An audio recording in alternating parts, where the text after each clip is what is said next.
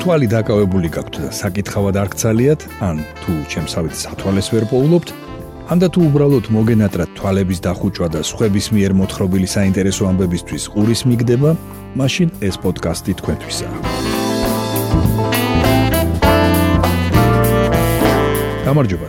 თქვენ უსმენთ რადიო თავისუფლების პოდკასტს მოლაპარაკე ტექსტებს. მოლაპარაკე ტექსტებს. მე ბიძინა რამიშვილი გახლავართ.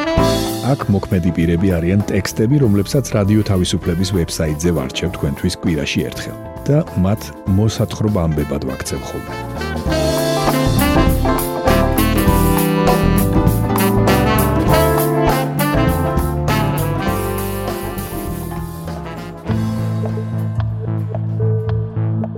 დღეს მოგითხრობთ შიმშილობის ისტორიებზე საქართველოში. ვისაუბრებთ შეერთებული შტატების მწვანე ბარათების ლატარიაზე. შემოგთავაზებთ ერთი ფილმის მიმოხილვას, რომელშიც ლეგენდარული მონიკა ვიტი თამაშობს. მოისმინეთ თეა თოფურიას სტატია შიმშილობის ისტორიები საქართველოში. 1988 წელს რუსთაველის გამზირზე ხალხი კიბეებზე დასხდა და საქართველოს დამოუკიდებლობის მოთხოვნით შიმშილობა გამოაცხადა. მას შემდეგ შიმშილობა როგორც პროტესტის უკიდურესი ფორმა ქართველებმა არაერთხელ გამოიყენეს. უფრო ადრე იყო დისიდენტობის წლები.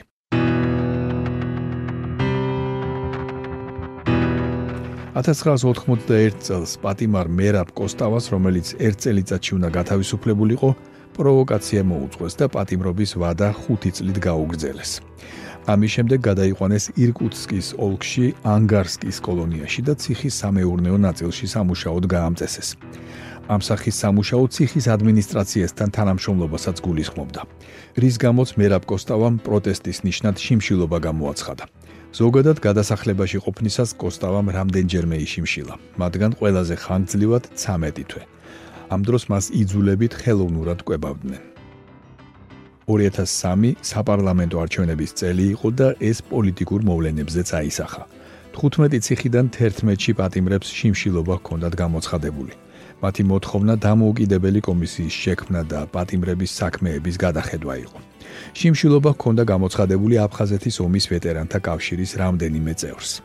2003 წელსვე დევნილების ნაწილი კონფლიქტის ზონიდან რუსეთის სამშვიდობო ნაწილების გაყვანასა და გაეროს წესდების მეშვიდე მუხლის ამოქმედებას ითხოვდა. 2003 წელსვე ნაციონალური მოძრაობის 7 წევრი თბილისში იუსტიციის სამინისტროს შენობაში დაჯდა საშიმშილოდ. ისინი 1998-99 წლების პენსიების დარიგებას ითხოვდნენ. მოგვიანებით მათ მხარდასაჭერად შიმშილობა რეგიონებშიც დაიწყეს. ერთიანი ეროვნული გამოცდების შემოღება საქართველოსი განათლების ყოფილ მინისტრ ალექსანდრე ლომაიას უკავშირდება. თუმცა რეფორმას 2005 წელს სამედიცინო კოლეჯის სტუდენტების შიმშილობა მოხდა. ისინი მოითხოვდნენ დაბრუნებოდათ პრივილეგია, რომელიც მათ სახელმწიფო სამედიცინო უნივერსიტეტში უგამოცდოდ ჩაბარების უფლებას აძლევდა. პროტესტი უშედეგოდ დასრულდა. 2008 წელს ოპოზიციის წევრებმა ფართომასშტაბიანი შიმშილობა წამოიწყეს. მოშიმშილეები ითხოვდნენ ხელახალ საპრეზიდენტო არჩევნებს, თავისუფალი და სამართლიანი საპარლამენტო არჩევნების ჩატარებისთვის პირობების შექმნას და ყველა იმ ადამიანის გათავისუფლებას, რომელიც 7 ნოემბრის მოვლენებთან დაკავშირებით დააპატიმრეს. შიმშილობის აქციას თან ერთვოდა მიტინგები და საპროტესტო გამოსვლები. აქცია დაახლოებით 1 თვე გაგრძელდა. 2013 წელს ყოფილმა პრემიერ-მინისტრმა ვანო მერაბიშვილმა, რომელიც პატიმრობაში იმყოფებოდა, შიმშილობა გამოაცხადა. ის მისთვის საკანში ტელევიზორის მიტანას მოითხოვდა. 2014 წელს გეგუთის ციხეში ასობით პატიმარმა დაიწყო შიმშილობა. ისინი პატიმრების ცემის ფაქტების გამოძიებას ითხოვდნენ. 2018 წლის დეკემბერში პროკურატურის წინ შიმშილობა გამოაცხადეს ზვიად გამსახურდიას შვილებმა კონსტანტინე და ცოტნე გამსახურდიებმა. ისინი ითხოვდნენ ზვიად გამსახურდიას გარდაცვალების საქმის გამოძიებასა და ორგანული კანონის ისე შეცვლას, რომ ხანდაზმულობის ვადა პოლიტიკური ნიშნით მოკლული პირების საქმეებზე არ გავრცელებულიყო.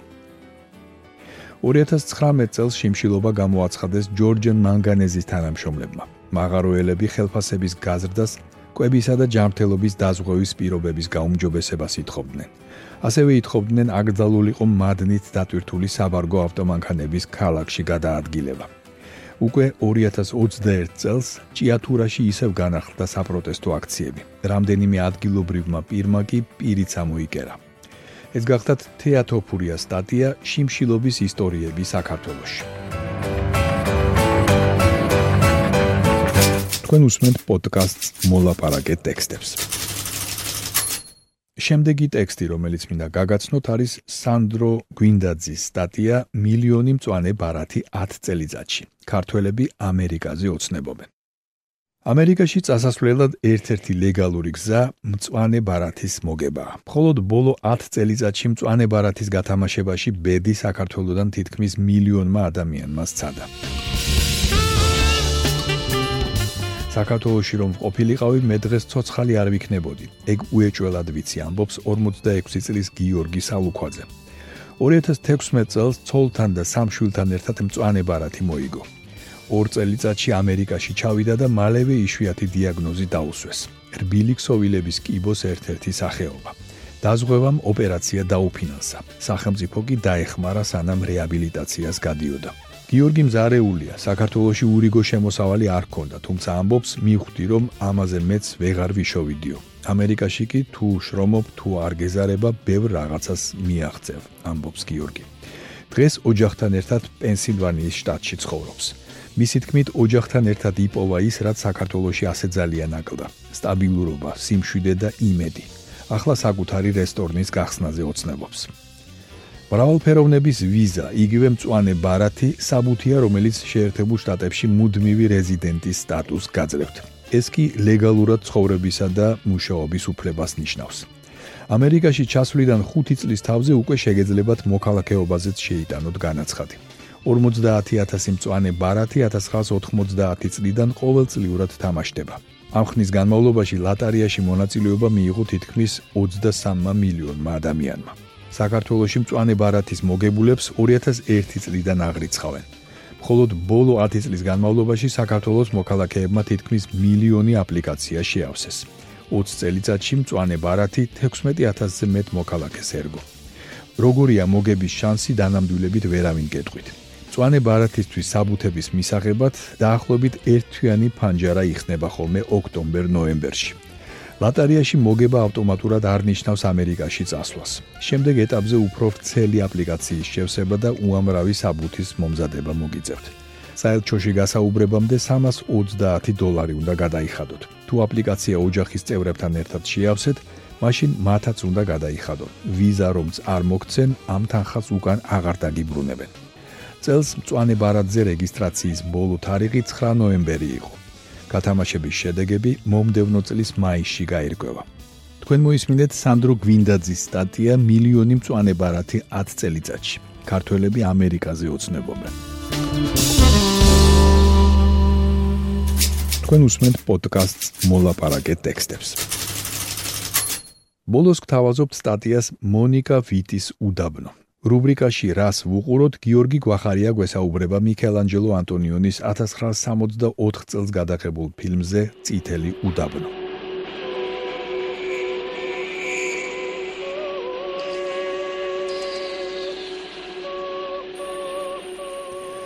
ოთხმოცდაათი წლის გახდა იტალიური კინოს ხატი ნიკელანჯელო ანტონიონის ხატი მონიკა ვიტი. 1970 წელს საბჭოთა კინოგაქირავებამ ანტონიონის ფილმი დაბნელება აკაურ ეკრანებზე საჩვენებლად მხოლოდ იმიტომ შეისყიდა რომ დიდმა რეჟისორმა უზბეკეთში ფილმის გადაღების სურვილი გამოთქვა.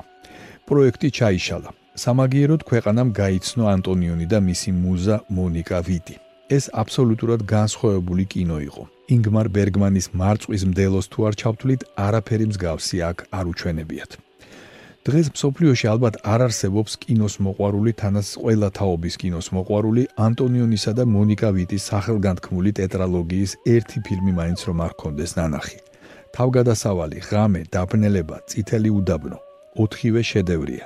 ანტონიონი ისევ თანამედროვეა. მონიკა ვიტი კი განსახიერება იმისა თუ როგორი უნდა იყოს მსახიობი კინოში. რატომ არ ძველდება? იმიტომ რომ თავიდანვე იდუმალებით იყო სავსე, შენიღბულ ვნებას ატარებდა. არ იხსნებოდა ბოლომდე და სწორედ მაყურებელს აძლევდა საშუალებას დაენახა ეს პერსონაჟები სრულიად განსხვავებული რაკურსიდან. ეროტიკული მუხტი არ აკლდა, მაგრამ მეტისმედად ახლოს არავის უშვებდა.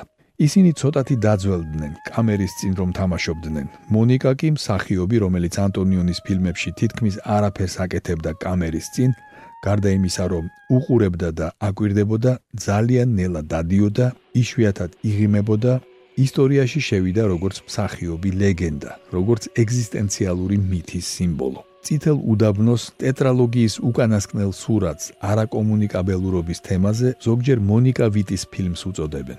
მართლაც მიუხედავად იმისა, რომ აქ რეჟისორმა კიდევ ერთხელ დაამტკიცა, რომ პლასტიკური თხრობის თვალსაზრისით ბადალი არ ხავს სოფლიო კინოში, წითელი უდაბნო მაინც მსახიობის ბენეფისია. მთელი ფილმი, სურათის რეალურად შეღებილი გარემოც, მე ვიტყოდი ბრუტალური პეიზაჟები, გადაღებული გენიალური ოპერატორის კარლო დი პალმას მიერ, რომელთა დავიწყება შეუძლებელია, მთავარი გმირის ჯულიანას მზერის ანარეკლია. ამ ინდუსტრიულ სივრცეში დრო გაყინულია. ქარხნის მილებიდან გამოსული შხამი, რომელიც ღრუბლებს უერთდება, ჩიტებს ხოცავს. დაუმატეთ ამას გამხმარი ფოთლები, დამწვარი ბალახი, დაბინძურებული მდინარე, ნაცრისფერი ზღვა და აუცილებლად იფიქრებთ, რომ უყურებთ შრომელებისგან თითქმის დაცარიელებულ ტექნოკრატიულ სამყაროს წარღვნის შემდეგ, სადაც ასფალტმა და ბეტონის საფარმა მთლიანად ჩაყლაპა ცოცხალი არსებები, სადაც ადამიანებს კონტაქტი აღარ შეუძლიათ. ასე ხედავს გარემოს ჯულიანა, რომლის ფსიქიკაში ავტოკატასტროფის შემდეგ ბევრი რამ შეიცვალა. ხსოვნის და შეგრძნების უნარი დაკარგა. იგი თითქოს დროისა და სივრცის მიღმა აღმოჩნდა. ამიტომაც კიდევ უფრო მოიცვა შიშმა და უიმედობამ. აღარ აკმაყოფილებს ადამიანებთან კონტაქტი. თვით შვილიც კი ჩამოშვებული და მაგრად შეკრული პალტოები, შიშის და გაუჩინარების სურვილის გამომხატველი სამოსი, რომელიც თითქოს ეხმარება თავს უშველოს, ჩაიკეტოს შხამიანი ყვითელი კვამლისგან და რაც მთავარია ადამიანებისგან, მათი უხამსობისა და цаრიელი მზერისგან.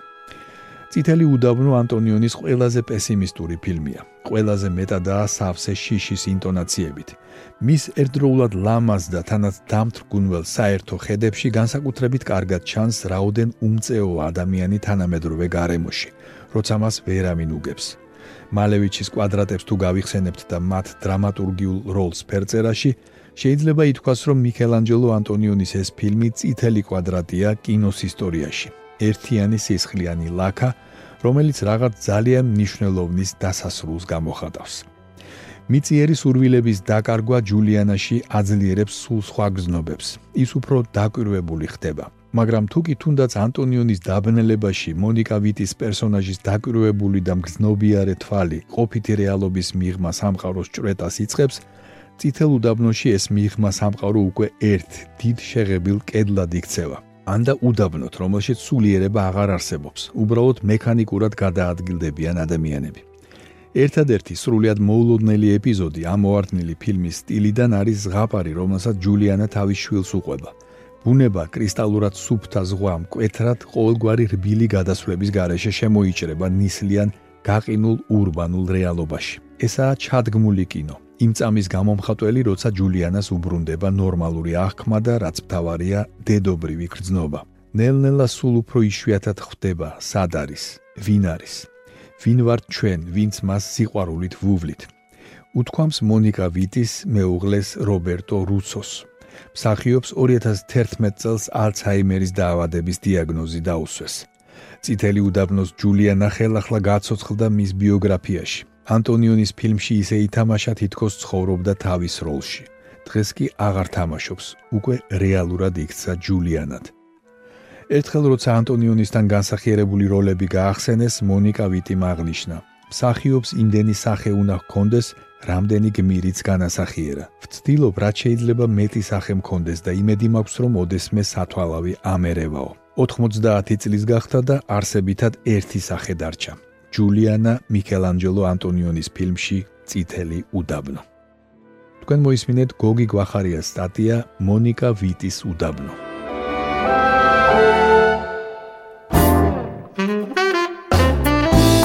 თქვენ მოისმინეთ რადიო თავისუფლების პოდკასტი მოლაპარაკეთ ტექსტები. მე კვირაში ერთხელ ვარჩევ რადიო თავისუფლების ვებსაიტზე გამოქვეყნებულ ტექსტებს და მათ მოსათხრობამდე ვაქცევ ხოლმე. ჩვენი პოდკასტი შეგიძლიათ გამოიწეროთ, ჩამოტვირთოთ ან მოისმინოთ პირდაპირ რადიო თავისუფლების ვებსაიტზე. მისი მისამართია რადიო თავისუფლება წერტილი GE. თუ ჩემი მიერ მოთხრობილი ტექსტები სრული სახით დაგაინტერესებთ, მათი მოძებნა იულია. ვებსაიტზე, პოდკასტის გვერდზე იპოვეთ ყოველ ცალკეულ პროგრამაში მოთხრობილი ტექსტების ბმულებს. მე ბიძინა რამიშვილი ვარ. მომავალ შეხვედრამდე.